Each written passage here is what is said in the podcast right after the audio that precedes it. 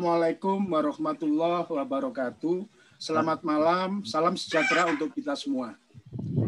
Kerabat TV Desa di mana pun Anda berada, eh, kembali malam ini bersama saya sebagai eh, pemandu, ya, Lantip Tri Sunarno, saya sebagai dosen di Departemen Teknik Sistem dan Industri Institut Teknologi 10 November. Malam ini eh, tampak banyak peminat di uh, Zoom ya.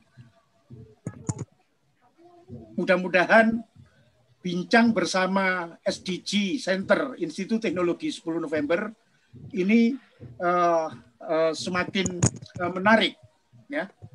Nah, kerabat TV Desa di mana pun Anda berada, topik malam ini itu berkaitan dengan peluang dan tantangan menjadikan desa bebas buang air besar sembarangan yang sering dikenal dengan istilah populernya itu BABS.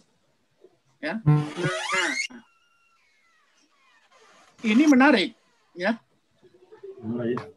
Di tengah-tengah kita sudah ada para ahli narasumber ya, lembaga perguruan tinggi yang tentu saja akan menemani acara bincang bersama SDGs Institut Teknologi 10 November. Baik, kalau begitu saya perkenalkan satu persatu. Yang pertama adalah Insinyur Edi S. Sujono, PhD, Assalamualaikum Pak Edi. Selamat malam. Mute Pak. Oke. Okay. Uh, Insinyur Edi Sujono. Ya. Nah, kita sapa dulu ya supaya uh, kenal suaranya. Assalamualaikum Pak Edi. Selamat malam. Selamat malam. Sorry tadi di mute Pak Lantip. Iya, iya, iya makanya diulang nggak apa-apa. Baik, uh, kerabat TV Desa, di mana pun saudara berada, Pak Edi Sujono ini, nah saya sering menyebutnya uh, Pak Edot, ya, uh, beliau ya sudah uh, tidak saja di Indonesia, tetapi di berbagai negara berbincang tentang sanitasi ya. Maka tentu saja nanti Pak Edi bersedia untuk berbagi dengan kita semua. Apa yang sesungguhnya terjadi? Mengapa kita harus bebas dari buang air besar sembarangan? Tentu saja banyak catatan-catatan yang bisa disampaikan. Apa sih resikonya seandainya perilaku yang seperti ini kalau belum boleh disebut sebagai budaya? Apa resiko perilaku seperti ini kalau kita pertahankan? Nah, eh, dua hal itu mungkin akan dipertajam oleh Pak Edi dengan segudang pengalamannya berinteraksi ya eh, mulai dari masyarakat di desa sampai kelompok internasional yang membicarakan persoalan sanitasi ini. Apakah sanitasi ini persoalan seluruh umat manusia atau hak dasar manusia? Nanti Pak Edi akan menjelaskan. Kerabat TV Desa di mana pun Anda berada. Pak Edi ini adalah dosen di jurusan teknik lingkungan Institut Teknologi 10 November. Oleh karena itu, beliau juga memiliki keahlian di bidang teknologi yang terkait dengan sanitasi. Mungkin nanti bisa ditambahkan dan kita berdalam di uh, diskusi selanjutnya. Kerabat TV Desa, di mana pun Anda berada, berikutnya narasumber yang kedua adalah Ibu Endah Nurul sebagai Sekretaris Dinas Kesehatan Tuban. Kita sapa dulu. Assalamualaikum Bu Endah, selamat malam. Waalaikumsalam warahmatullahi wabarakatuh. Nah, okay, Selamat ya. malam. Iya, senang sekali Bu Endah kita bisa bersama-sama ya.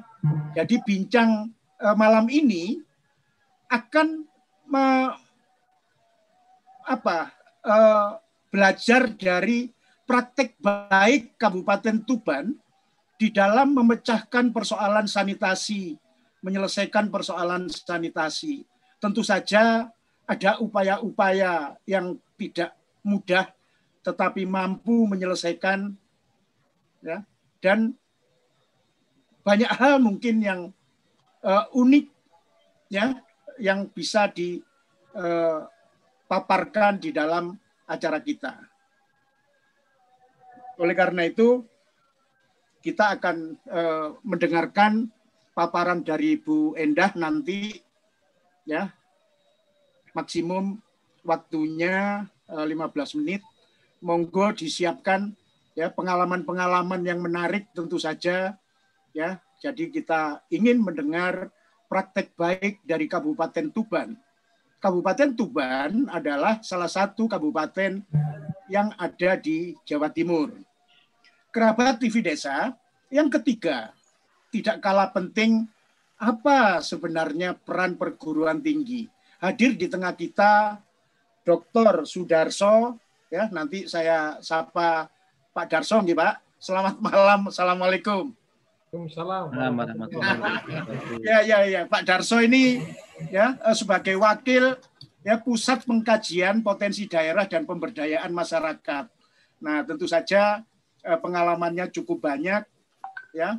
Pak Darso akan melengkapi ya bincang-bincang kita terkait dengan apa pengalaman uh, perguruan tinggi di dalam berkontribusi memecahkan persoalan sanitasi, menjawab tantangan yang dihadapi.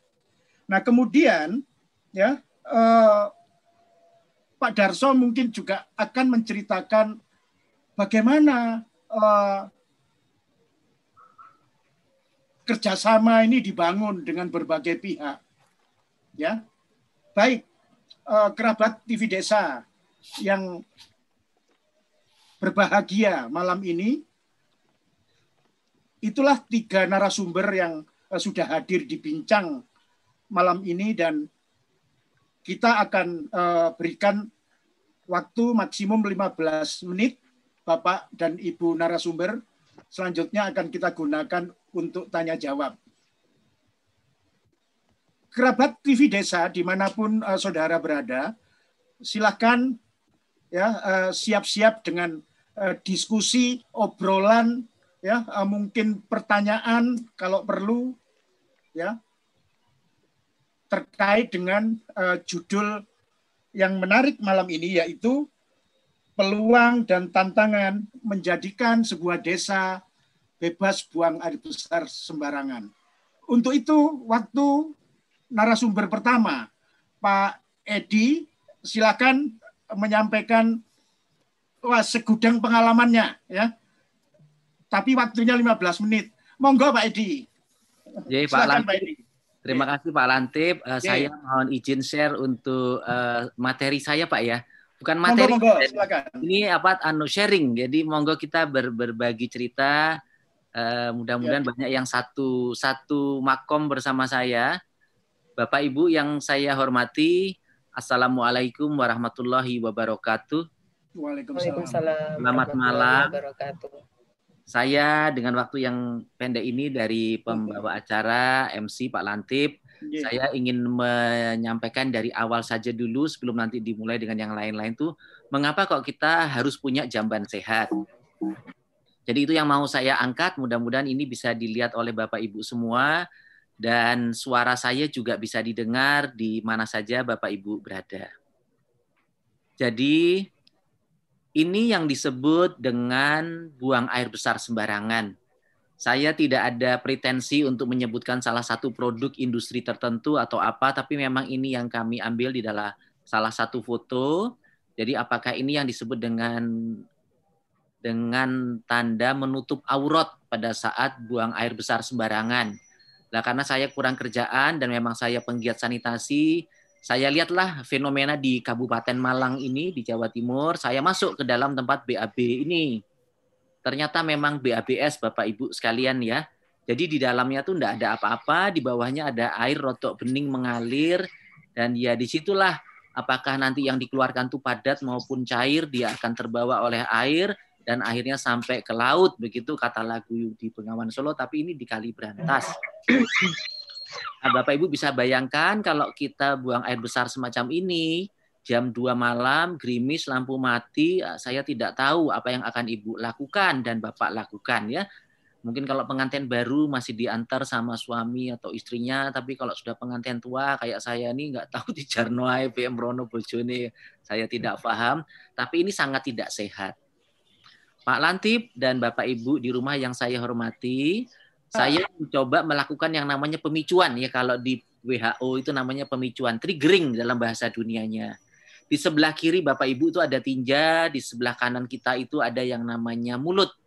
Nah, Bapak Ibu tentu sepakat dengan saya tidak mungkin ya orang-orang sehat, orang sadar, orang waras itu memasukkan tinja ke dalam mulutnya.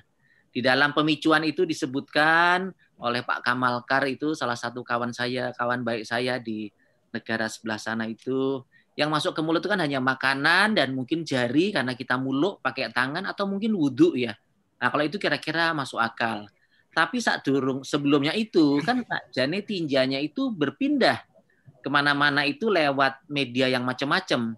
Nah di sinilah walaupun ini sekarang COVID katanya cuci tangan pakai sabun dan sebagainya dari dulu nggak ada COVID pun harus cuci tangan pakai sabun. Yang mau saya coba uh, sampaikan karena kita punya latar belakang ilmu yang berbeda dan bisa jadi yang saya sampaikan ini mengulang itu khususnya peran dari lalat Pak Lantip. Ini tanpa mengurangi rasa hormat itulah berbagai ya, lalat yang mungkin kumpul di suatu media yang sangat tidak sehat. Ya kan Bapak Ibu? Iya, nah, tanpa rasa hormat ini apakah produk apa dan ternyata laler itu nempel di situ, kakinya ada enam gitu Bapak Ibu ya. Enam, tiga di kiri, tiga di kanan itu. Ini kalau saya picu Bapak Ibu, ini saya pura-pura nyut pakai ujungnya pensil ini Bapak Ibu, ujungnya pensil yang apa tajam itu saya cutikkan walaupun nggak kena itu ke tinja, saya taruh di air minum atau di apa kan nanti Bapak Ibu sangat marah ke saya. Oh, mesti kayak tinja kok disuruh minum atau suruh makan. Tapi kalau ada laler nempel dengan kakinya enam itu kok lupa bicara lupa ngomong bismillah, ndak ingin apa langsung dimakan. Iki ya apa kayak gitu itu Bapak Ibu. Nah, kalau itu terjadi ini yang Bapak Ibu akan kita hadapi. Mungkin putra-putri ke apa yang kita sayangi akan diopname. Ya kalau punya uang, ya kalau masih punya emas bisa jual Ya kalau punya asuransi, kalau tidak punya apa-apa. Iya kalau sembuh, kalau tidak sembuh. Hanya gara-gara tidak punya jamban sehat. Ini kan konyol. Ini, ini, ya. Jadi mestinya Bapak Ibu ya punya jamban sehat dong ya. Nah, kita tidak tahu. Nah makanya dari buang air besar sembarangan untuk bisa buang air besar di satu tempat ada yang disebut dengan tangga sanitasi. Nah tangga sanitasi itu artinya ya dari dari sembarangan menjadi tidak sembarangan ya Cukup itu aja. Pengertiannya simpel dari sembarangan, tidak sembarangan. Jadi hanya menggali tanah, asal bapak, ibu, adik, anak, kakak itu di satu tempat, tidak diapa-apakan ya udah sudah berarti sudah tidak buang air besar di sembarangan. Jadi kayak cubluk, selama cubluknya itu di bawahnya nggak ada air mengalir ya sudah itu namanya tangga pertama dari sanitasi. Nah tangga yang paling tinggi itu ya kayak di luar negeri itu kebanyakan mandi, cuci, dapur, odol, keramas, tinja itu dilewatkan pipa. Nah kita mungkin nggak tahu kapan akan ada di sana ya saya cucu saya mungkin bisa bisa menikmati ini saya masih bertanda tanya tapi mudah-mudahan bisa tapi paling tidak kita kita yang mungkin mengikuti acara TV desa ini ya sampaikan ke teman-temannya jangan sampai nanti nggak punya uang nggak punya tabungan nggak ngerti apa-apa terus masih buang air besar di sembarang tempat. Nah ini udah termasuk yang bagus. Ini tanpa lagi me, me, me, mengatakan sat, salah satu produk karena ini emang uh, foto karya saya sendiri. Lagi-lagi ini sudah dikatakan bebas buang air besar sembarangan, tapi di belakang rumah. Ya, ini ada di Mojokerto, tadi di Malang ini di Mojokerto, ini di belakang rumah di bawah pohon bambu ya. Lagi-lagi kalau lampu mati gerimis jam 2 malam terus apalagi sakit perut wah ini siapa yang mau belok ke sini ya? Iya kalau ada ular ya kalau ada apa ya eh, kalau ada WW ada kuntilanak ini cerita-cerita lain ya gerimis pisan. Jadi uh, makanya kalau menurut PBB menurut Sustainable Development Goals orang itu boleh saja mungkin di ya, tertakdir untuk hidupnya miskin orang itu mungkin tertakdir tidak saja kaya tapi orang miskin yang tidak kaya itu pun harus punya jamban di dalam rumah apalagi di situ masih ada ibu-ibu yang masih akan bisa melahirkan, ada anak-anak muda perempuan yang mungkin sudah uh, punya uh, periode ulangi atau menstruasi. Ini bisa jadi para perempuan adalah orang-orang yang didolimi kalau sampai kita tuh malah tidak punya jamban di dalam rumah. Karena yang namanya jamban bukan kamar mandi Bapak Ibu ya. Bapak Ibu yang mengerti kosmetika mungkin ya sekarang tanpa mandi udah ketok ayu. Tapi apa gunanya kosmetika ternyata kalau sudah tiga hari tidak buang air besar? Apakah sudah siap untuk diselamati? Ya, gitu kan artinya kan Orang pintar orang yang dekat dengan jamban ya, bukan orang pintar orang yang dekat. Tapi kalau punya jamban dalam rumah dan ada kamar mandi dalam rumah yaitu uh, ciami soro katanya orang Surabaya gitu nggih.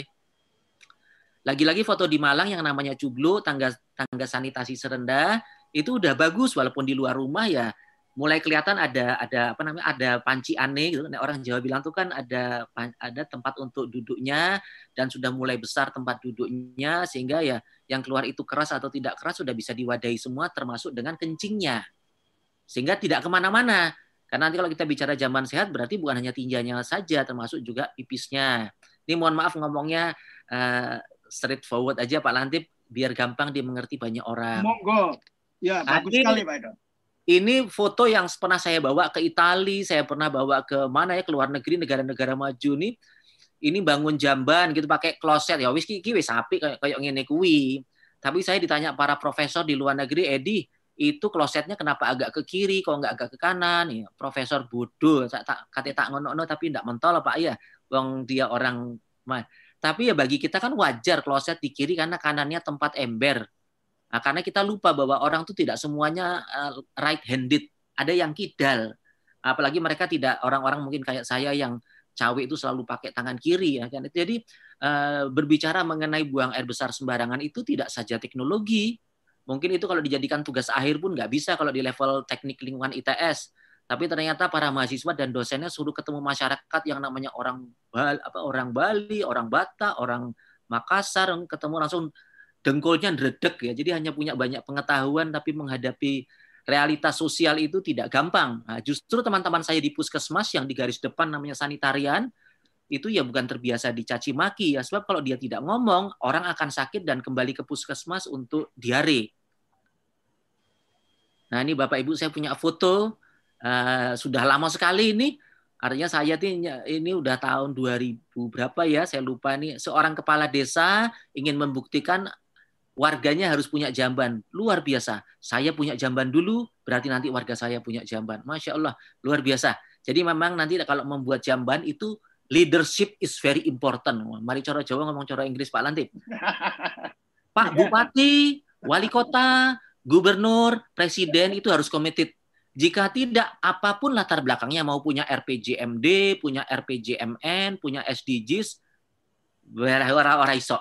Karena Pak Pak Kades ini enggak eh, tahu ya, dia mungkin lulus SMA atau tidak saya tidak paham, tapi dia membuktikan saya punya jamban, warga saya punya jamban.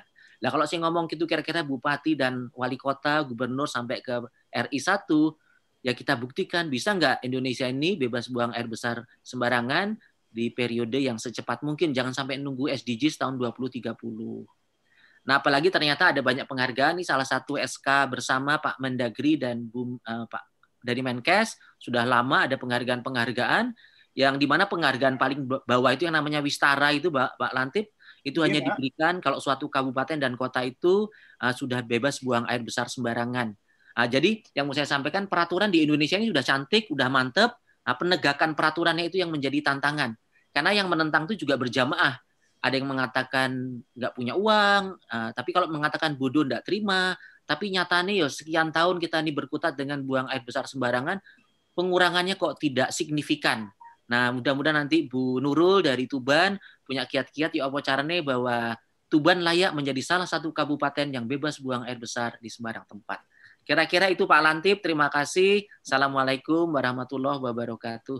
Waalaikumsalam warahmatullahi wabarakatuh. Terima kasih Pak Edot. Wah, bagus uh, waktunya masih ada, tapi saya yakin ya sudah banyak yang penasaran ini untuk menanyakan lebih jauh apa yang tadi dipaparkan oleh Pak Edo. Selanjutnya, uh, kerabat TV Desa di mana pun uh, saudara berada, marilah kita uh, simak pemaparan dari Bu Endah Nurul ya sebagai pembelajaran praktek baik di Kabupaten Tuban, salah satu kabupaten di Jawa Timur. Kepada Bu Endah, uh, kami persilahkan. Silahkan Bu Endah. Terima kasih Pak Lantip. Pak Lantip, okay. tadi kalau Pak Edot kan habis berbicara bahasa Indonesia, terus bahasa Jawa, terus bahasa Inggris. Tapi ternyata berbicara bahasa Inggris dengan bahasa Jawa lebih fase yang bahasa Inggrisnya. Bahasa Jawanya malah bahasa Jawanya malah enggak ini, enggak fase belas. Ya. Ternyata orang mana yang betul Pak Edot nih? Iya iya iya iya. Ya, mudah-mudahan uh, justru nanti bisa menginspirasi audiens di sini. Ya ya ya. Oke oke. Uh, jadi yang pertama itu berangkat dari ketika diluncurkan MDGs, kemudian menjadi Sustainable Development Goals, di mana di sana itu mau tidak mau uh, ada menyebut tentang goal keenam itu yaitu menjamin ketersediaan pengelolaan air serta akses sanitasi bagi semua warga. Nah, akhirnya uh, berangkat dari sini Bapak Bupati berarti menjadi uh, kewajiban dari pemerintah kabupaten untuk menjamin 1.300 Eh, satu juta tiga ratus eh, masyarakat Kabupaten Tuban ini untuk semuanya bisa mendapatkan akses baik air bersih maupun uh, sanitasi. Uh, kondisi Kabupaten Tuban saat ini air bersihnya sudah bagus, jadi akses air bersih sudah 87 lebih, 87,48 persen uh, masyarakat di Kabupaten Tuban bisa mengakses air bersih. Tentu harapannya ini sudah air dengan tidak hanya uh, kuantitas tetapi juga kualitasnya walaupun sebagian besar masih uh, mengaksesnya dari sumur gali. Jadi bukan uh, belum uh, dari PDAM seperti Surabaya. Jadi sumur gali tetapi alhamdulillah sudah hampir 90 persen uh, masyarakat di Kabupaten Tuban yang uh, mengakses air bersih. Selanjutnya bagaimana dengan jamban? Nah seperti tadi disebutkan Pak Edot jamban akhirnya kami melihat bagaimana kondisi penyakit-penyakit basis lingkungan. Ternyata tiga tahun terakhir dari dua eh, contoh penyakit berbasis lingkungan, salah satunya diare. Diare itu dari 2017 ke 2018 sempat turun, Pak Lantip, sedikit. Yeah. Tapi kemudian di 2019 naik lagi. Nah, hmm. kemudian bagaimana dengan tipoid? Tipoid ini mulai 2017, 2018, 2019 ini malah tidak turun, malah naik terus. Tangganya tidak turun tapi tangganya minta naik. Dari 2.500 sekian, 2018 naik menjadi 2.900 sekian, kemudian di 2019 menjadi 3.785. Jadi 3.000 lebih uh, penderita demam tipoid satu tahun di Kabupaten Tuban. Berangkat dari sini, kemudian eh, kami ingat bahwa salah satu derajat kesehatan itu dipengaruhi oleh empat faktor, di mana faktor yang paling besar eh, pengaruhnya adalah lingkungan. Setelah faktor lingkungan, baru kemudian perilaku, setelah perilaku baru bagaimana mereka mendapatkan akses pelayanan kesehatan maupun kualitasnya. Yang terakhir, yang paling kecil mempengaruhinya itu adalah faktor hereditas atau uh, keturunan nah, atau keturunan. Yeah. Ternyata lingkungan ini seperti tadi disebutkan oleh Pak Edut besar sekali pengaruhnya terhadap uh, pembentukan derajat kesehatan itu. Apakah iya. meningkatkah, menurun atau tidak, bagaimana kualitasnya? 40% lebih disebabkan oleh faktor lingkungan. Nah, bagaimana lingkungan di Kabupaten Tuban, kemudian bahwa eh, akses jamban ini sebetulnya sudah hari ini sudah cukup sudah cukup mengembirakan. Jadi setelah sekian tahun lalu itu sempat kita hanya 40 persenan dari masyarakat Kabupaten Tuban. Pak Edot tindak Tuban itu tahun berapa Pak Edot ya? Itu masih 60 persenan eh, masyarakat Kabupaten Tuban yang eh, bisa mengakses jamban. Alhamdulillah hari ini sudah di angka 85,71. Jadi sudah 85 artinya sudah dua kali lipat lebih dibandingkan eh, 8 tahun yang lalu. Nah, dari sini kemudian Bapak Ibu sekalian, eh, pemerintah Kabupaten Tuban juga memimpikan kalau suatu saat nanti tidak ada satupun masyarakat di Kabupaten Tuban ini yang eh, buang air besarnya tidak di Jamban. Eh, yang pertama tentang ini dulu tentang eh, pemakaian, baru setelah itu tentang kepemilikan. Jadi saat ini sudah sekian itu 85% itu adalah jumlah mereka yang memiliki, yang sudah punya sendiri, kemudian sudah memakainya, kemudian ada juga yang sharing, sharing dengan eh, tetangga atau dengan keluarga, kemudian ada juga yang uh, ada di jamban komunal. Nah, dari sini Bapak Ibu sekalian, beberapa kiat yang diupayakan oleh Pemkap Tuban. Yang pertama adalah bahwa kami mulai melatih fasilitator-fasilitator. Jadi di 33 puskesmas yang uh, kami miliki, masing-masing puskesmas kami latih waktu itu pertama minimal tiga. Tiga dulu baru kemudian lima. Lima kali 33 jadi ada sekitar 165-an uh, fasilitator SDBM yang terdiri dari mereka itu ada dari gabungan, jadi mulai dari tenaga kesehatan, terus ada dari perangkat desa, ada dari uh, ibu PKK, ada dari kader, jadi gabungan supaya uh, nanti yang berbicara tidak lagi uh, petugas, karena kalau bahasa petugas, apalagi pakai uh, baju, mereka sepertinya masyarakat sudah bosan. Oh itu bahasa petugas, mesti kalau datang ya mesti gitulah, nuturi, mesti uh, menceramai seperti itu. Nah kalau yang berbicara mereka, yang berbicara itu Ibu PKK juga, Karang Taruna, teman mereka, uh, Pak Pak Inggi, Pak apa itu Pak Joko Boyo, pokoknya perangkat desa, maka mungkin mereka bisa menyampaikan dengan bahasa yang lebih sederhana, yang lebih bisa dipahami dan dimengerti oleh masyarakat. Itulah kami mulai melatih uh, fasilitator.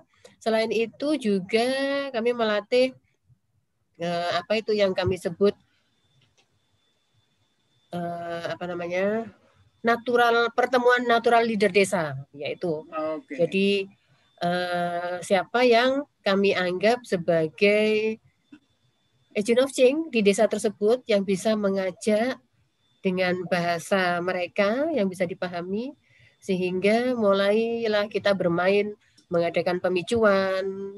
Pemicuan itu mungkin juga sama di beberapa kabupaten kota yang lain permainannya untuk pemicuan ini. Jadi kita waktu itu membawa sekam, sekam apa itu? kulit padi. Nah, itu kami bermain dengan masyarakat sudah mulai membuat peta membuat peta, kemudian rumahmu di mana? Rumahku di sini. Rumahku di situ diberikan tanda. Kemudian berapa orang uh, yang tinggal di sana? Empat orang.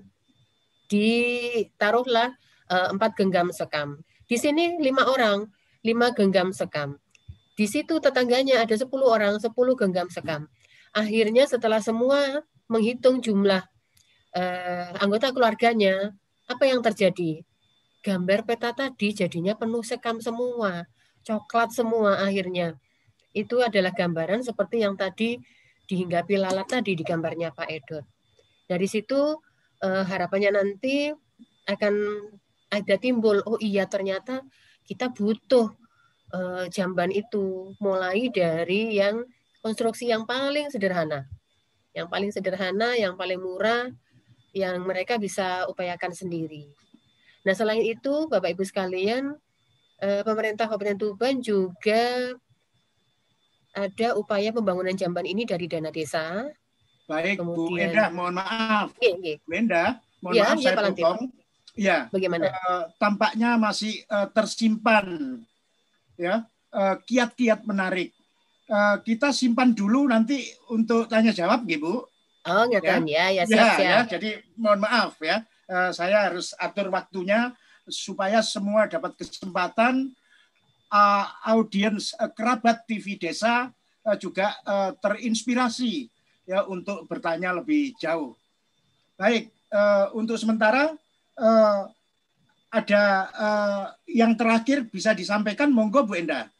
Ada statement Satu penting yang mungkin hal ya. yang menggembirakan bahwa. Pemkap memiliki forum CSA dari perusahaan. Jadi kita tahu di Kabupaten hmm. Tuban okay. muncul muncul perusahaan besar, ada semen, ada holcim dan sebagainya uh, eh, CSA dari perusahaan tersebut diwadahi dalam forum uh, apa CSA di Kabupaten Tuban yang ketuanya juga dari mereka sendiri di antara mereka perbankan dan sebagainya.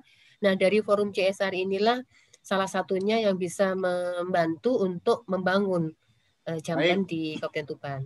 Baik, Bu Endah, matur nuwun. Nanti kita lanjutkan uh, sesi saat sesi tanya jawab, nggih. Monggo. Ya, baik. Terima kasih Bu Enda luar biasa. Ya ternyata uh, cukup banyak yang uh, ingin kita serap ya uh, pengalaman atau praktik baik dari Kabupaten Tuban. Selanjutnya kerabat uh, TV Desa di mana pun saudara berada uh, tidak kalah penting ya apa uh, sebenarnya peran uh, perguruan tinggi seperti Institut Teknologi 10 November ya yang sering uh, dikenal orang ITS Surabaya.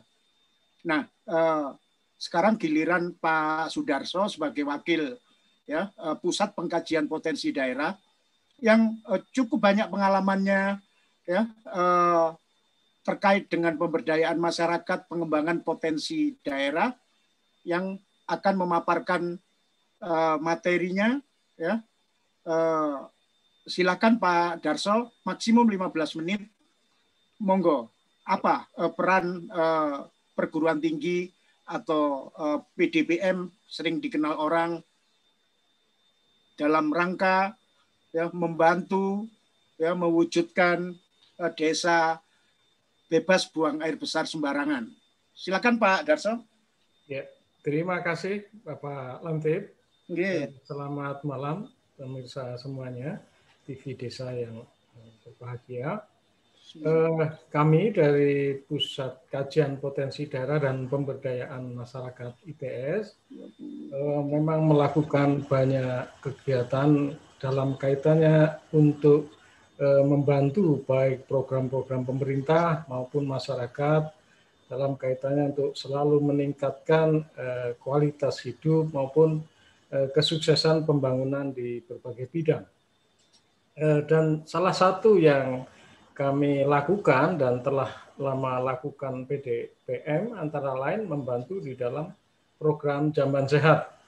Eh, dan PDPM memang disokong oleh ahli-ahli termasuk Pak Edot ini ahli utama ya eh, kaitan Jamban Sehat. Dan eh, PDPM sudah lama ikut terlibat dalam upaya baik pemerintah maupun lembaga banyak lembaga internasional yang juga eh, atau CSR perusahaan untuk membantu program-program eh, kaitan kepedulian eh, agar terbebas dari buang air besar sembarangan. Untuk kesempatan kali ini saya akan memaparkan bagaimana contoh yang PDPM lakukan misalnya dalam suatu program eh, jamban sehat tersebut izinkan saya untuk men-share. Uh, Silakan Pak Darso. Oke, baik, terima Silakan, kasih. Pak.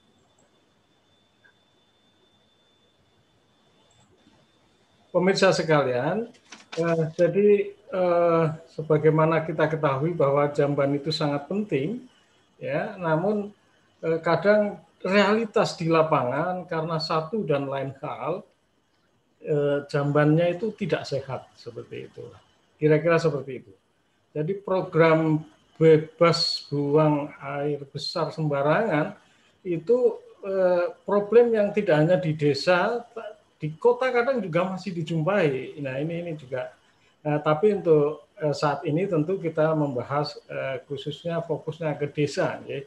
Eh, karena mungkin di kota juga bisa pelik dan di desa juga sama-sama juga mungkin cukup ada persoalan dan kendala.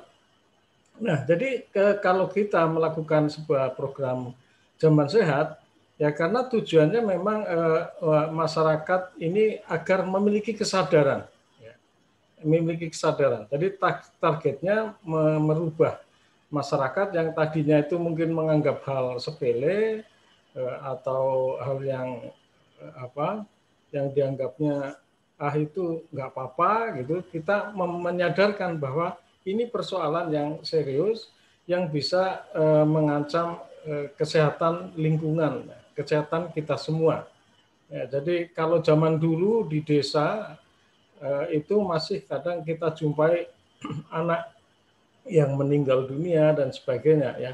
Seiring kesadaran jamban sehat ini mulai ada, eh, tentunya bisa semakin berkurang.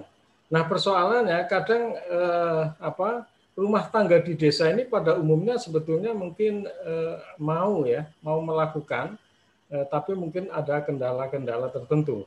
Nah, jadi eh, targetnya adalah solusinya adalah juga di samping program tertentu juga itu terkait dengan bagaimana kita melakukan upaya pemberdayaan, artinya adalah partisipasi dari masyarakat itu sendiri dilibatkan sehingga nanti seandainya sudah jadi pun ikut akan memiliki dan merawatnya dengan baik.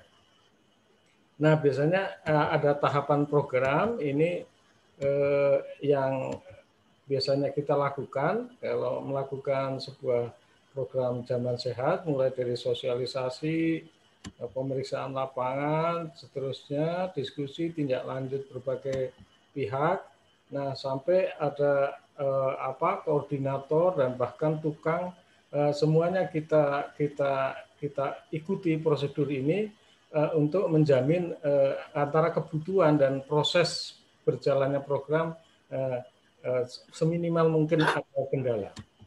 Nah, jadi biasanya memang di desa ini eh, rata-rata ada persoalan dia tidak memiliki jamban sehat, ya, atau juga masyarakat tidak memiliki jamban sehat, kemudian melakukannya eh, buang air besarnya, BAB-nya, akhirnya di sembarang tempat, di kebun atau mungkin di sawah, ya, ladang, tegalan, hutan, pantai, ya. Nah ini ini ya karena mungkin lahannya masih luas ya, kadang masih luas dan mungkin merasa uh, tinggal ditutup tanah gitu ya, atau tadi mungkin di selokan kecil dan sebagainya. Tapi tentu uh, apa ini uh, akan berbahaya dan bisa mengganggu kesehatan lingkungan kita semua. Nah, jadi pada dasarnya biasanya masyarakat menginginkan kepemilikan jamban, eh, yang umumnya sekarang kan sudah berpendidikan ya, tapi terkendala oleh biaya gitu. Walaupun masih tetap dijumpai ada warga juga kadang yang sudah memiliki jamban tapi tetap melakukan BAB sembarangan. Itu biasanya terjadi di desa. Eh, malah mungkin wah eman eh, kasihan eman-eman jambannya malah nggak dipakai ya, malah kemudian dia buang air sembarangan karena kebiasaan loh. Saya di Jamban nggak keluar malah ya. Ini ini problem-problem budaya tapi itu bisa nanti di, diatasi ya bisa dengan uh, proses uh, penyadaran terus menerus. Nah ini proses pembangunannya kita kita ITS biasanya berpihak sebagai supervisor eh, kegiatan, nanti ada koordinasi dengan desa dan dan seterusnya. Nah, ini eh, contoh jamban ya, jamban yang belum dipasang. Nah, biasanya ada ada kendala ya, misalnya kendala eh, dalam sebuah program itu kadang memang eh, apa tukangnya yang eh, mungkin tidak mencukupi ya, sementara yang harus dibangun banyak juga kadang ada yang eh, apa eh, warganya kemudian tidak jadi ikut program dan sebagainya maju mundur ya. Atau mungkin terjadi salah paham cekcok misalnya eh, kalau sudah di program ada standar khusus eh, pemilik jambannya peminta jamban meminta pembangunan yang macam-macam. Nah itu kadang terjadi dalam program eh, zaman saya itu. Juga terkadang ada konflik desa. Ini juga rawan. Biasanya apalagi mau pilkades ya. Eh, di desa kadang kita ada hal-hal yang kelihatannya eh, sederhana tapi bisa mengganggu kadang ya. Jadi masing-masing berebut nah tapi itu semua bisa kita komunikasikan ya. Nah ini adalah eh, bagaimana contoh ya zaman sederhana tapi cukup sehat ya nah, ini contoh pembangunan nah Kemudian contoh uh, apa beberapa persepsi adalah uh, bahwa setelah program dilakukan itu biasanya ada bahwa mereka sebetulnya senang biasanya umumnya warga itu dan bahkan inginnya ya semua dibantu biasanya. Dari sisi desa juga biasanya akan berterima kasih ya dan biasanya mengharapkan ITS untuk terus mendukung dan mendampingi.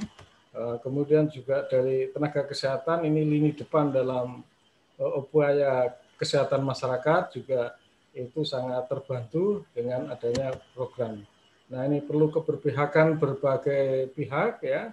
Ini termasuk dari ini saya ambil dari dokumen yang ada di BDPM.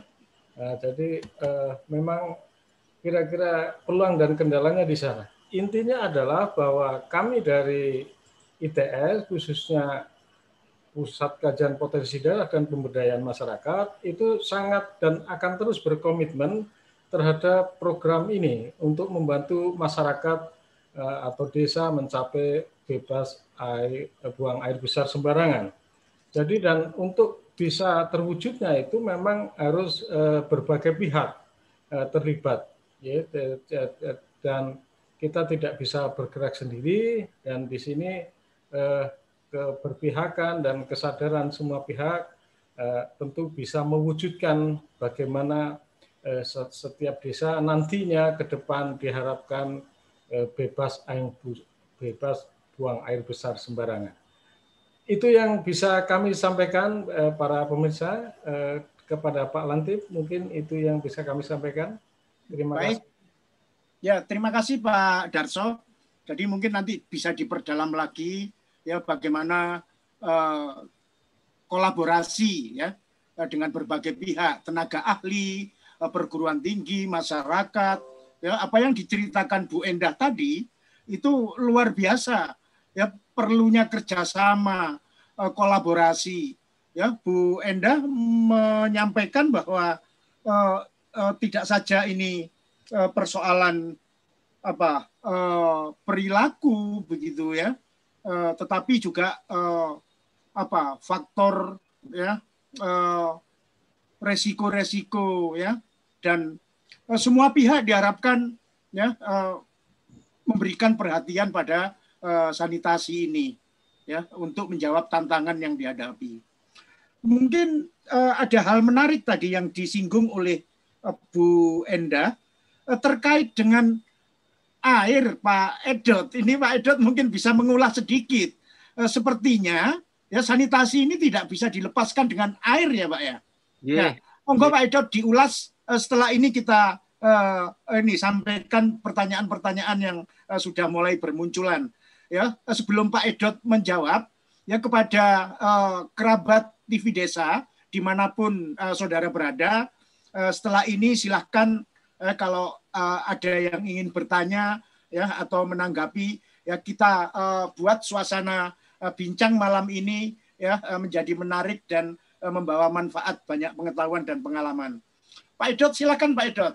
Mungkin perlu pencerahan itu kaitannya sanitasi dengan air. Monggo Pak Edot. Ya, betul betul Pak Lantip. Okay. Uh, saya masih ingat uh, saya mungkin belum bahkan belum punya gelar S2 waktu itu ya. Saya belum ngurusi belum dapat gelar S2 pun saya sudah ngikuti bagaimana jamban sehat Pak ya. Pelatihannya bahkan sempat di ITB tiga minggu atau tiga bulan itu. Ya, ya, bahkan ya. belum menikah. Jadi saya ngikuti jamban ini sejak lama ya. Tapi yang menarik di awal-awal kita membangun dulu itu, uh, saya, saya tidak perlu menyebutkan tahunnya ya. Itu memang kayaknya kalau air minum ya air minum, kalau jamban ya jamban gitu loh Bapak Lantip ya. Jadi waktu jambannya itu dibangunkan, kita katakanlah menamakannya MCK ya, tapi bukan MCK yang ya belum ada plusnya, bukan ada MCK plus plus gitu, tapi udah MCK itu. Ya dibangunkan lengkap bagus, pakai standar-standar yang bagus, tapi dipikir masyarakat itu akan datang ke Jamban membawa air dengan embernya. Nah, ternyata hmm. ya disediakan apa semuanya. Ternyata ya uangnya terkotok terus nggak gawa banyu, Pak. Itu itu kelakon. Dievaluasi hmm. airnya disediakan apa jeding. Benar ya namanya jeding itu kan? Dan seperti biasa orang Indonesia kan tipikal orang Indonesia jeding itu selalu dari batu bata dan selalu diletakkan di kanan. Padahal ibu itu bawa anaknya dari sawah, eh, kakinya penuh beletoan, langsung kaki penuh beletoan itu dimasukkan ke jeding. Nah orang berikutnya tuh wudhu menggunakan air jeding. Wah, jadi kan ternyata di zaman dulu tuh kayaknya ilmu sosial itu tidak penting. Yang penting itu teknologinya, yang penting harga satuannya, Bahkan yang penting mungkin juga tidak korupsi. Nah, itu kan bagus. Tetapi tidak menggabung-gabungkan ini yang mau beol itu siapa? Apakah mereka tuh tahu bahwa beol itu tidak boleh angkat sarung terus apa deledek di sembalang tempat itu kan tidak tidak diulas. Nah setelah akhirnya kita mungkin kebakaran jenggot apa itu istilahnya yang tepat atau tidak bahwa ternyata buang air besar itu ada adabnya ya bahkan di agama itu ada adabnya ada bacaannya itu baru kita mulai mikir disosialisasikan lah bagaimana dengan air ibu-ibu. Nah, ibu-ibu yang dilibatkan nah, di salah satu kampung yang saya datengin menolak adanya beton, Pak. Batu bara, okay, batu bata tidak boleh. Kita oh. harus menggunakan ember. Jadi kalau embernya tidak diisi air dibuang, tapi kalau di, sedang dipakai ada kerannya. Nah ternyata kalau yang membangun itu di, hanya melibatkan in, apa intuisi lelaki saja, Pak. Tidak melibatkan uh, maunya para ibu dan perempuan. Itu akan menjadi pembangunan yang salah. Termasuk salah satunya adalah ketersediaan air pak.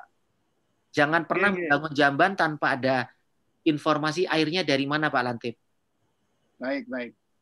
Uh, untuk sementara gitu ya pak Edot. Ini yeah. ada beberapa pertanyaan ya monggo untuk uh, kerabat TV desa uh, yang lain kalau uh, ingin bertanya kepada siapa apa pertanyaannya Ya, pertanyaan pertama ini ke Pak Edot ini ya. Yeah. Dari uh, Ibu Uswatun uh, Pelumpang di Tuban ini ya tampaknya ya. Nah, uh, uh, begini pertanyaannya.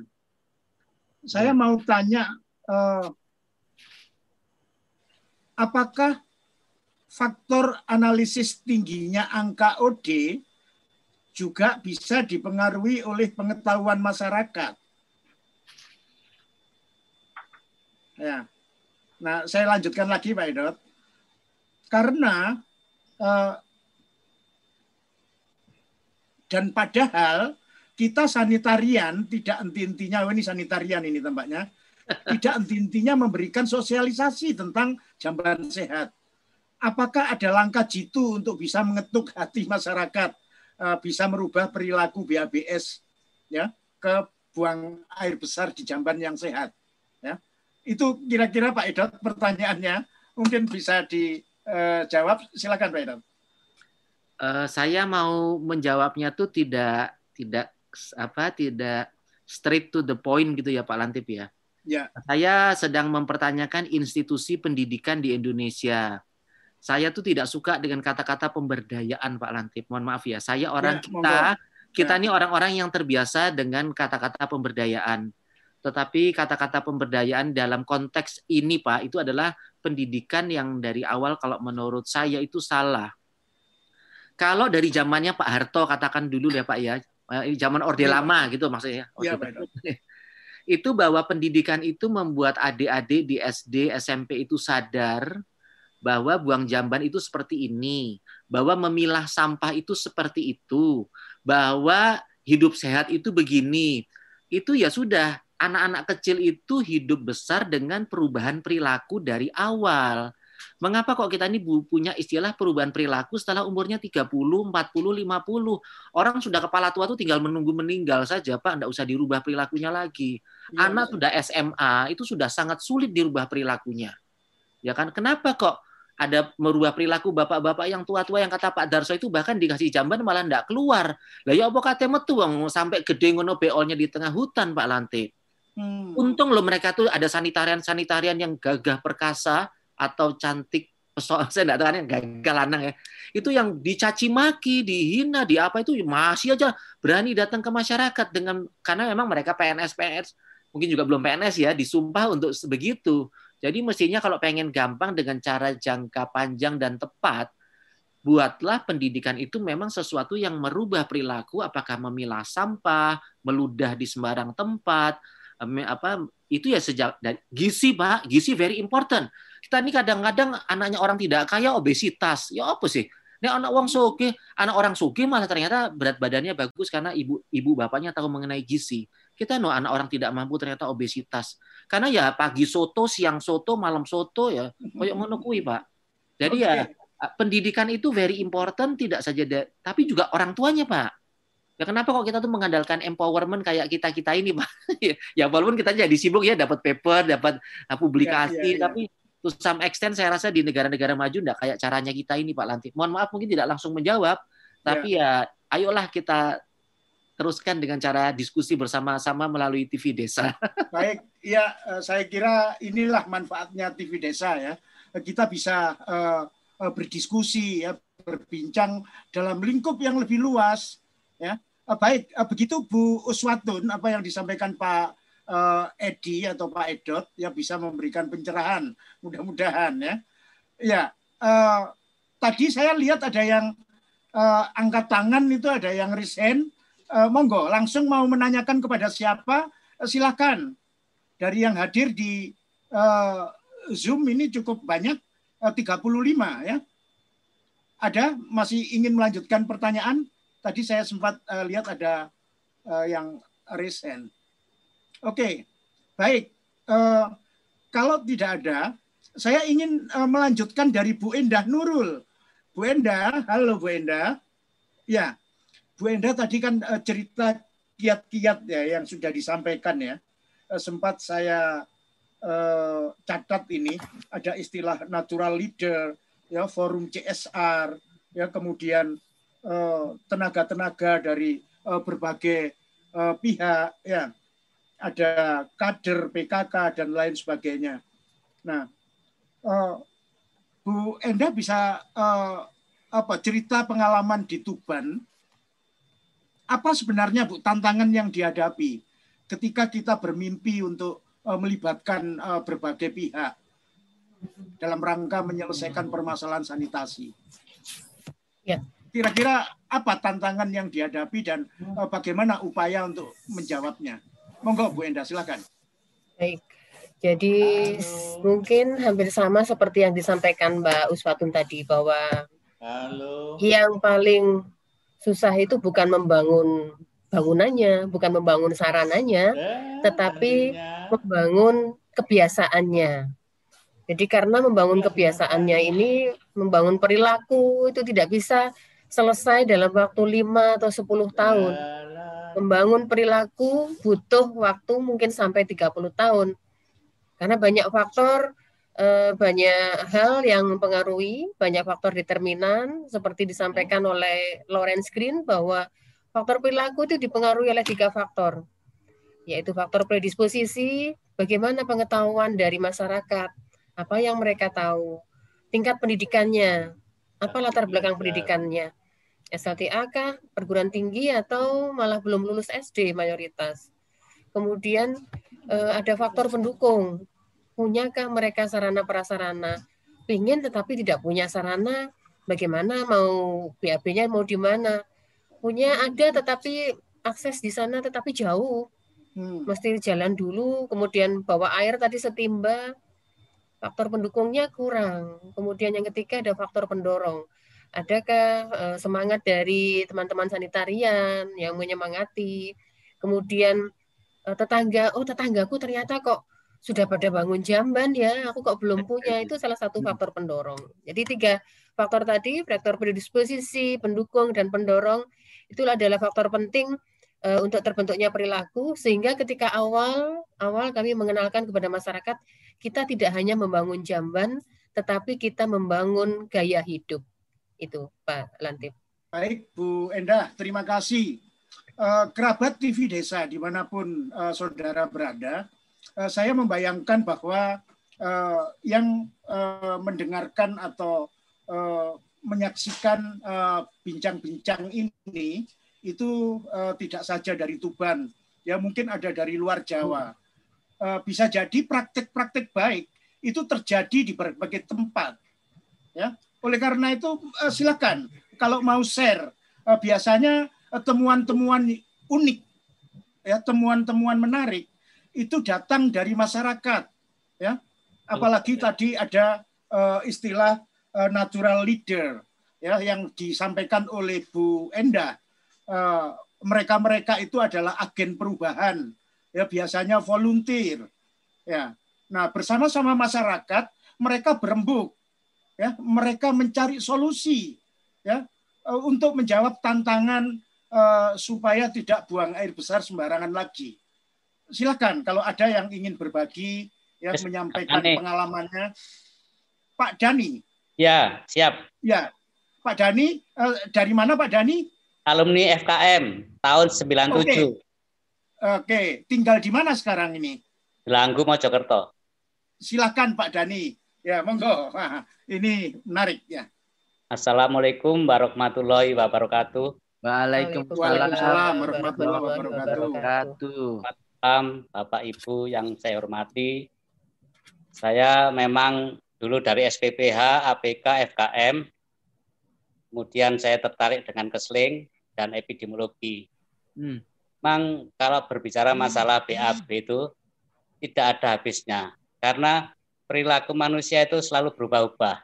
Ketika dia mood seneng bikin jamban habis dua setengah juta, tiga juta pun oke. Okay. ya kan? Ya betul. Tapi kalau tapi kalau lagi nggak mood artinya males wes buang air besar di sungai aja nggak apa-apa kok.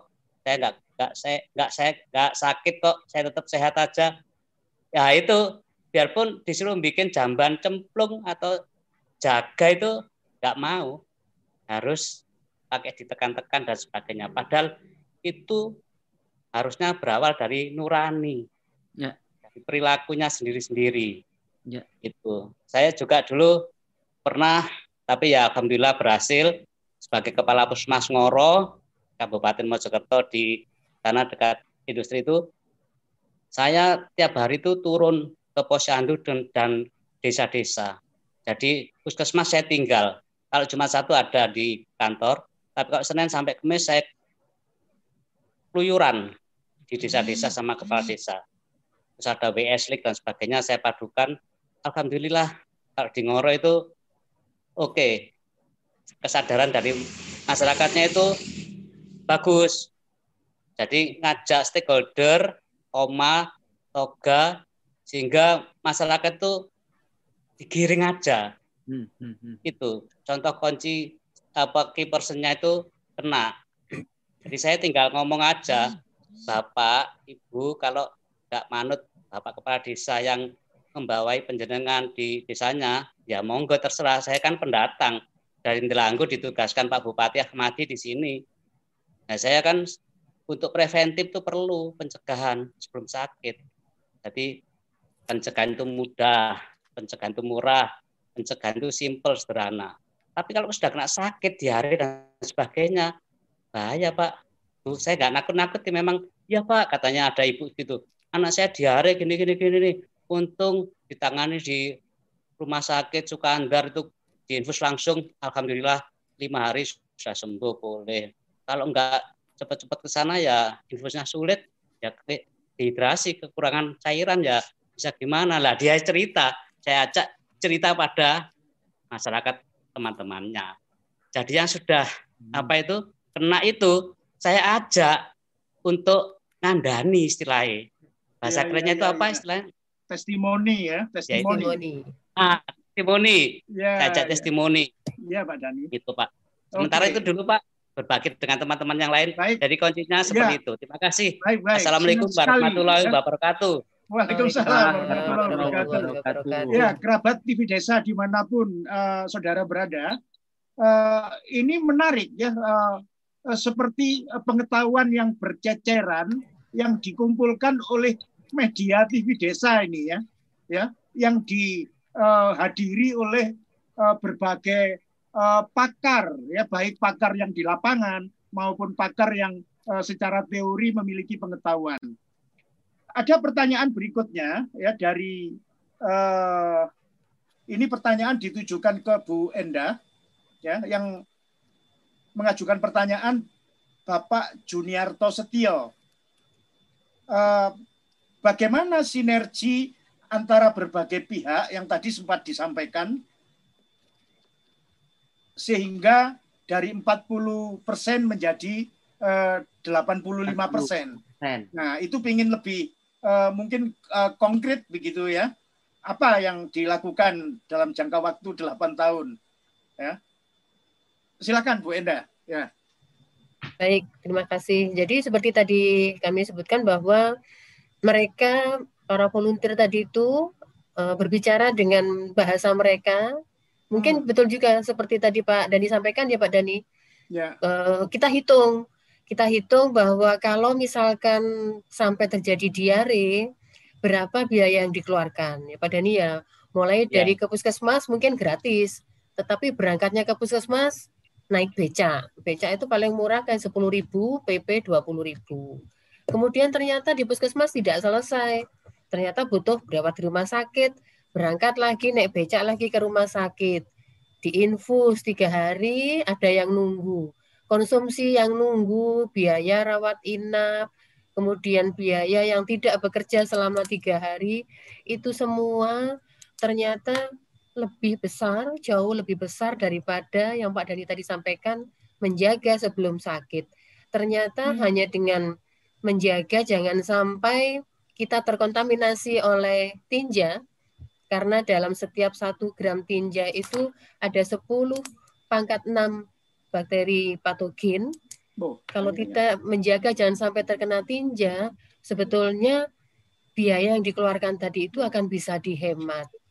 Maka setelah itu eh, Pak Lantip, yeah. kami juga mengajak eh, berbicara dengan bapak-bapak camat. Jadi Pak oh. camat kami ajak workshop untuk STBM ini sekaligus pemetaan eh, masing-masing kecamatan sambil menyusun strategi apa yang akan dilakukan. Mungkin satu dan yang lain kondisi yang berbeda strateginya juga mungkin berbeda. Mereka akan ada arisan. Oh yang di kecamatan B kita akan support dari dana desa. Yang di kecamatan C karena kita ada di ring satu perusahaan maka kita akan ajukan proposal ke perusahaan sehingga dapat CSR perusahaan. Jadi masing-masing mereka memetakan potensi uh, daerah masing-masing sambil mencari strategi untuk uh, solusinya. Itu sementara Pak Lantif. Baik, terima kasih Bu Enda. Ya, uh, jadi kalau mendengar uh, penjelasan dari Bu Enda, uh, sepertinya uh, kita menangkap kesan bahwa banyak berbagai pihak yang sudah menyadari bahwa tantangan ya uh, bebas buang air besar sembarangan ini itu menjadi tantangan bersama. Ya, tadi ada berbagai pihak yang harus berkolaborasi, ya, masing-masing menyadari. Nah ini mungkin bagian uh, penting juga. Ya, saya mau kaitkan dengan uh, pertanyaan dari Bu Ike Mairina. Bu Ike ya ditanyakan, monggo mungkin uh, para narasumber yang akan menjawab. Menurut Bu Ike Mairina, Permisi, ya. bertanya Pak. Ya, sebentar Pak Riki ya, sebentar, oh, sebentar. ada pertanyaan ya. dari uh, chatting ini. Berdasarkan pengalaman untuk membangun jamban, banyak masyarakat yang masih mengharapkan bantuan. Nah, ya, jadi uh, uh, kadang uh, itu adalah fakta di lapangan. Nah, bagaimana uh, menyikapi pertanyaan-pertanyaan uh, seperti ini? Silakan mau disampaikan oleh Pak Edot dulu. Ya.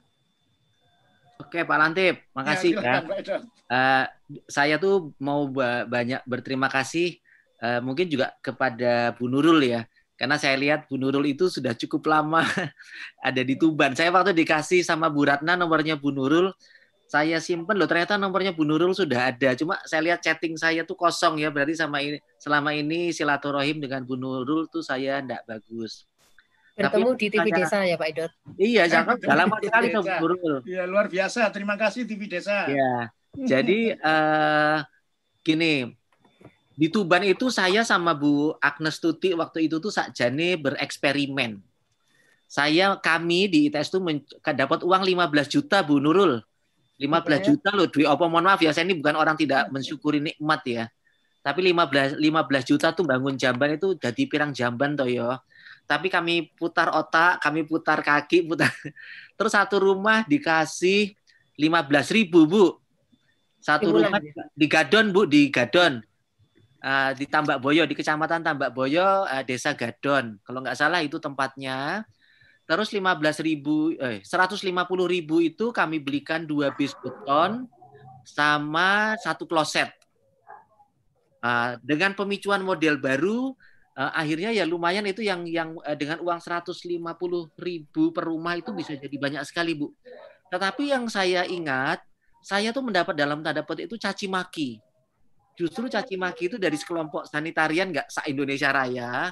Pak Bapak itu mencelakai apa me, me, me, melanggar aturan. Pemicuan itu nggak boleh mengeluarkan uang satu sen pun. Lo tak batin, nggak bantu masyarakat tanpa duit ya rasa no ODF tahun 2070 gitu Pak. Dan ternyata bukti itu presiden berganti empat tahun lo kemajuan kita Bu Nurul itu dengan susah payah 40 tahun eh empat uh, berapa tahun dulu? tahun. Sekian menaikkan 40 persen itu kan sekian tahun. tahun ya. Jadi mungkin kalau itu, karena itu di Afrika tidak ada uang dari APBN dan sebagainya, itu hanya dipicu dikasihkan rasa malu mereka bangun. Negara kayak Indonesia ya ya kita ini kadang-kadang banyak banyak omong apa no action talk only sehingga apa nambahnya tiga persen empat persen itu sudah tidak boleh pak nambah itu ya harus 70 persen 80 persen dan sampai 100 persen pak kalau perlu dalam tiga tahun Nah, salah satunya itu ya memang pakai duit, Pak. Jadi, Oke. Ya. Baik Pak Edot, terima kasih. Ya. Ini nyambung ini. Ternyata masih banyak masyarakat kita yang di dalam benaknya itu tersimpan kapan bantuan datang. Ya. Nah, pertanyaan ini ke Pak Darso ini. Ya. ya. Pak Darso siap ini dengan prosedur kelihatannya ya. Pertanyaannya dari Bu Ratna Sari di Tuban. Eh, Bapak Sudarso, Bagaimana cara mendapatkan program jamban sehat dari ITS? Nah lo, hampir mirip. ya, silakan Pak Darso. Ya, uh, apa ada eh, paket-paket yang mungkin uh, masyarakat belum tahu dan bisa disampaikan saat ini? Silakan.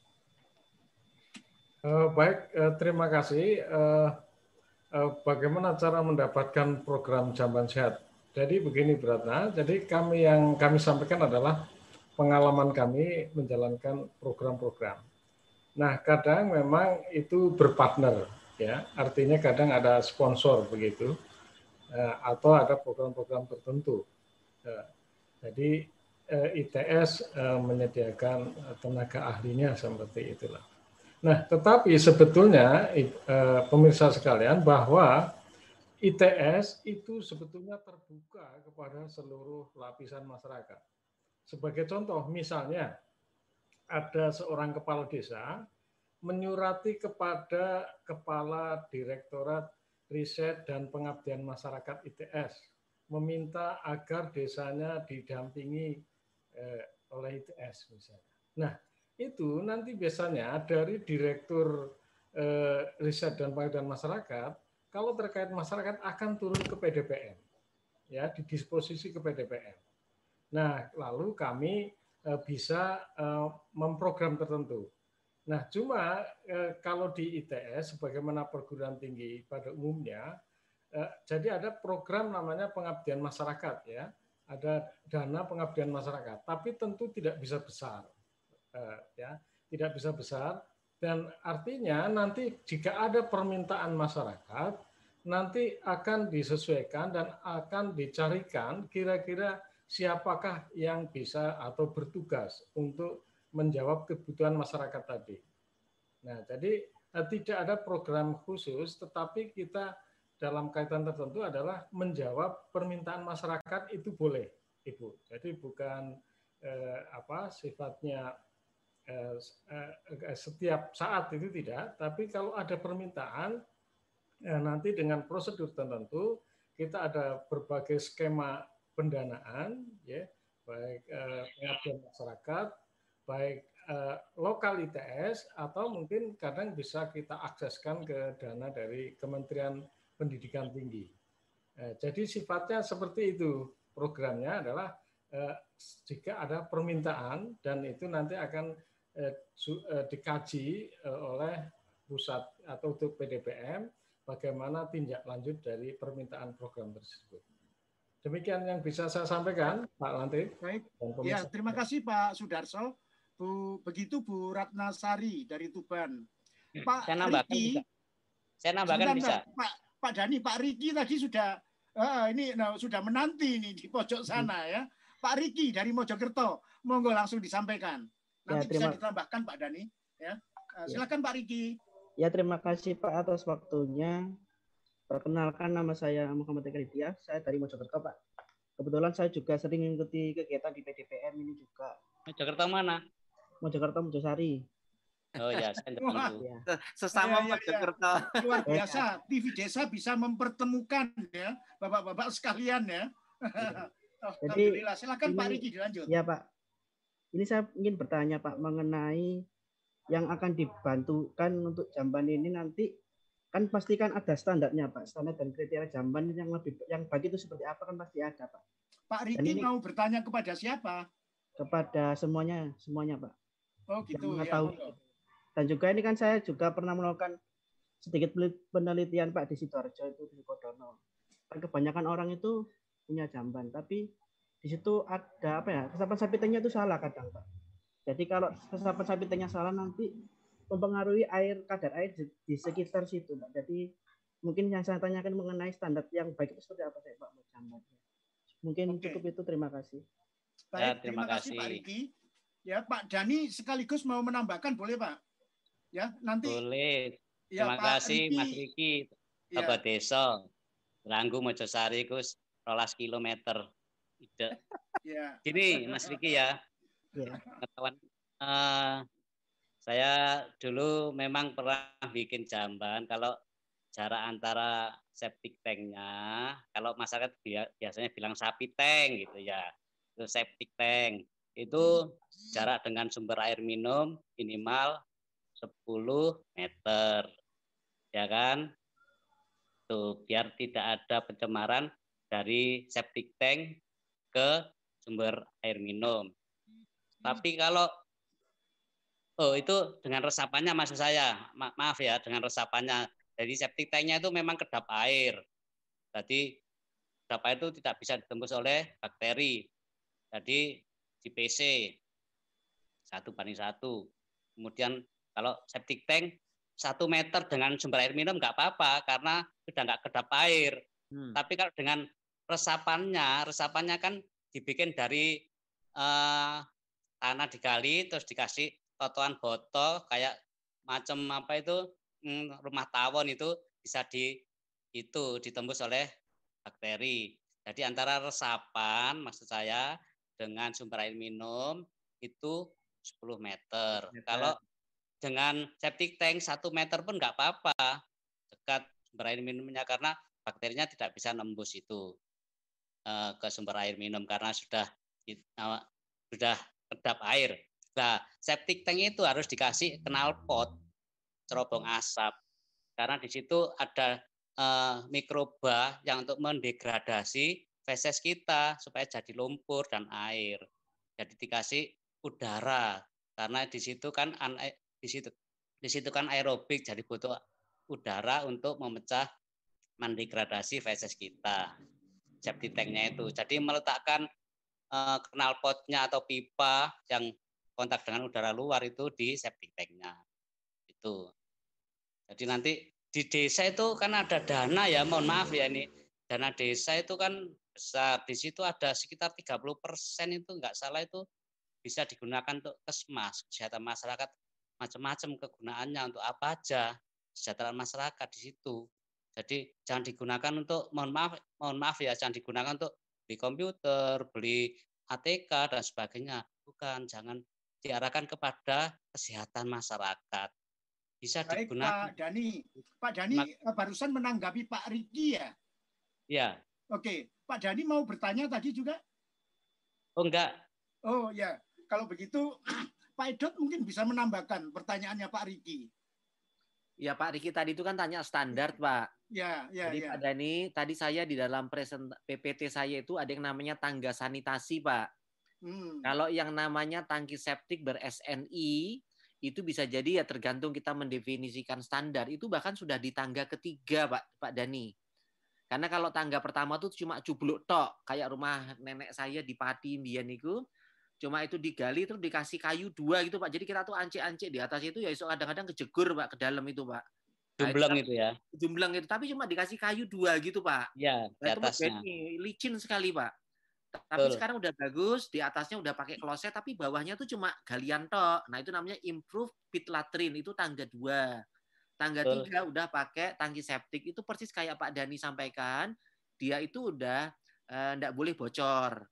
Nah, jadi kalau ya. nanti Pak Pak Riki menanyakan standar, kita mau menggunakan yang mana? Karena tangga sanitasi itu bukan ITS yang membuat, Mas. Itu memang dilakukan di seluruh dunia. Jadi dalam kondisi dengan keuangan, kondisi lingkungan, kondisi sosial tertentu, itu mungkin hanya gali tok nggak apa-apa, Mas. Saya ingat pertama kali saya haji ke Arab Saudi itu, pas itu mabit itu ya cuma jumleng tok kok zaman sembian itu. Jumleng saya masih ingat kok. Tapi kalau Bapak Ibu sekarang mungkin umroh dan haji ya sudah nggak kayak gitu lagi. Tapi artinya kan itu diperbolehkan karena sudah tidak lagi buang air besar di sembarang tempat. Kira-kira gitu Pak Lanti. Ya terima kasih Pak Edot. ini ada pertanyaan menarik. Mudah-mudahan ada ahli irigasi di sini karena ini ada kaitannya dengan sungai ya atau uh, kali berantas ini ya.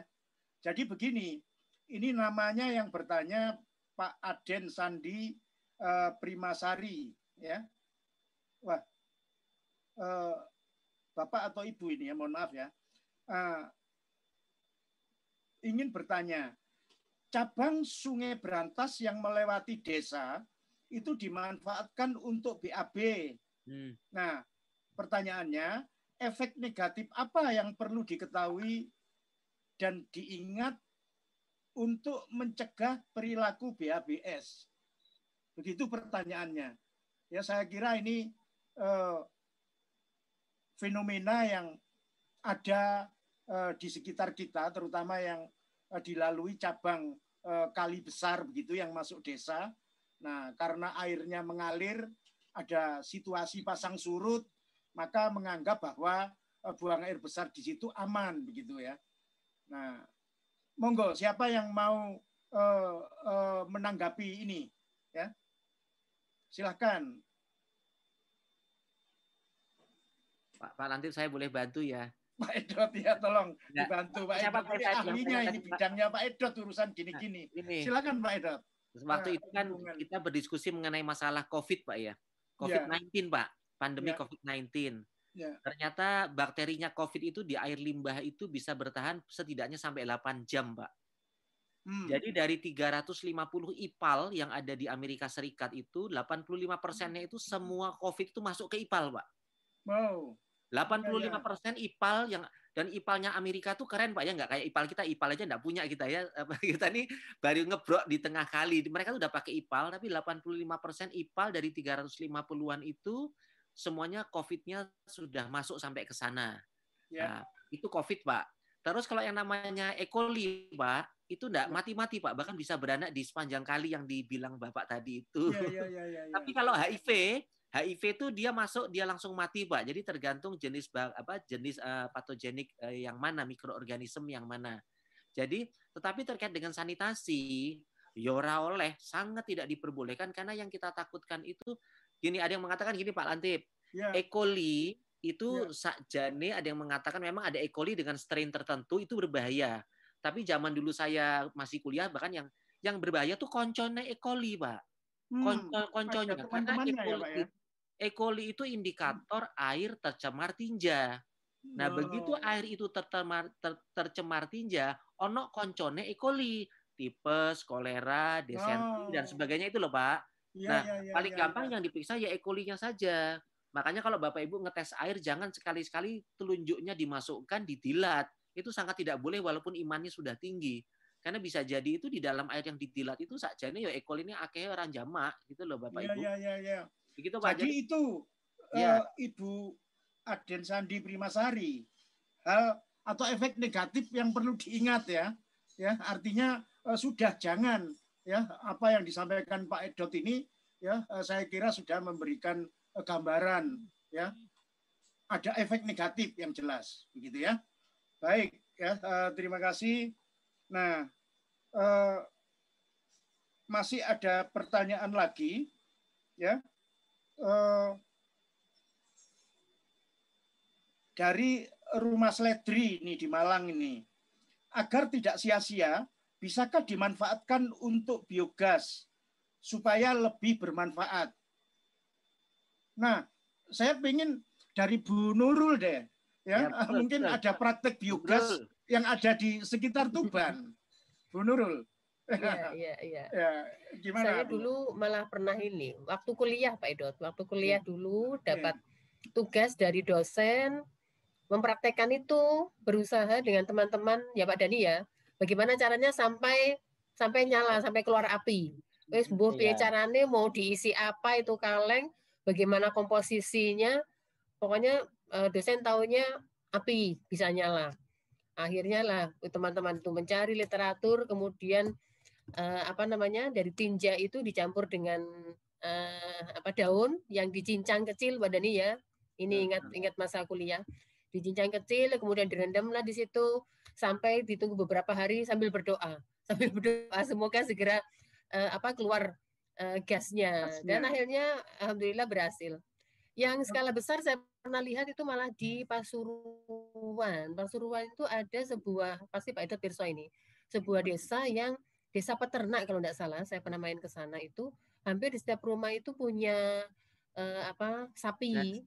Nah, yeah. kemudian semuanya uh, menghasilkan kotoran sapi kan. Nah, itu ditampung sampai kemudian uh, dari gasnya itu mereka nyala lampu, kemudian memasak, itu sudah tidak perlu membeli. Jadi dari biogas dari hasil pengolahan dari kotoran sapi itu. Ya, terima kasih Bu Nurul. Pak Idot mau menambahkan Pak Idot, uh, mungkin tren tren pemanfaatan uh, tinja atau kotoran manusia itu menjadi biogas seperti apa trennya? Semakin meningkat atau menjauhi atau menakutkan?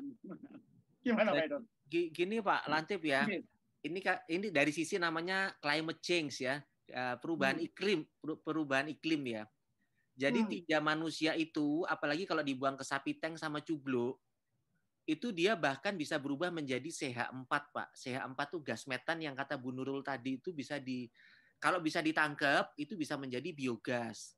Tetapi kalau kita tuh selama ini kalau tadi pagi ya misalnya Pak Darso, Bu Nurul, Pak Dani, Mas Riki itu beolnya tuh ke tangki septik.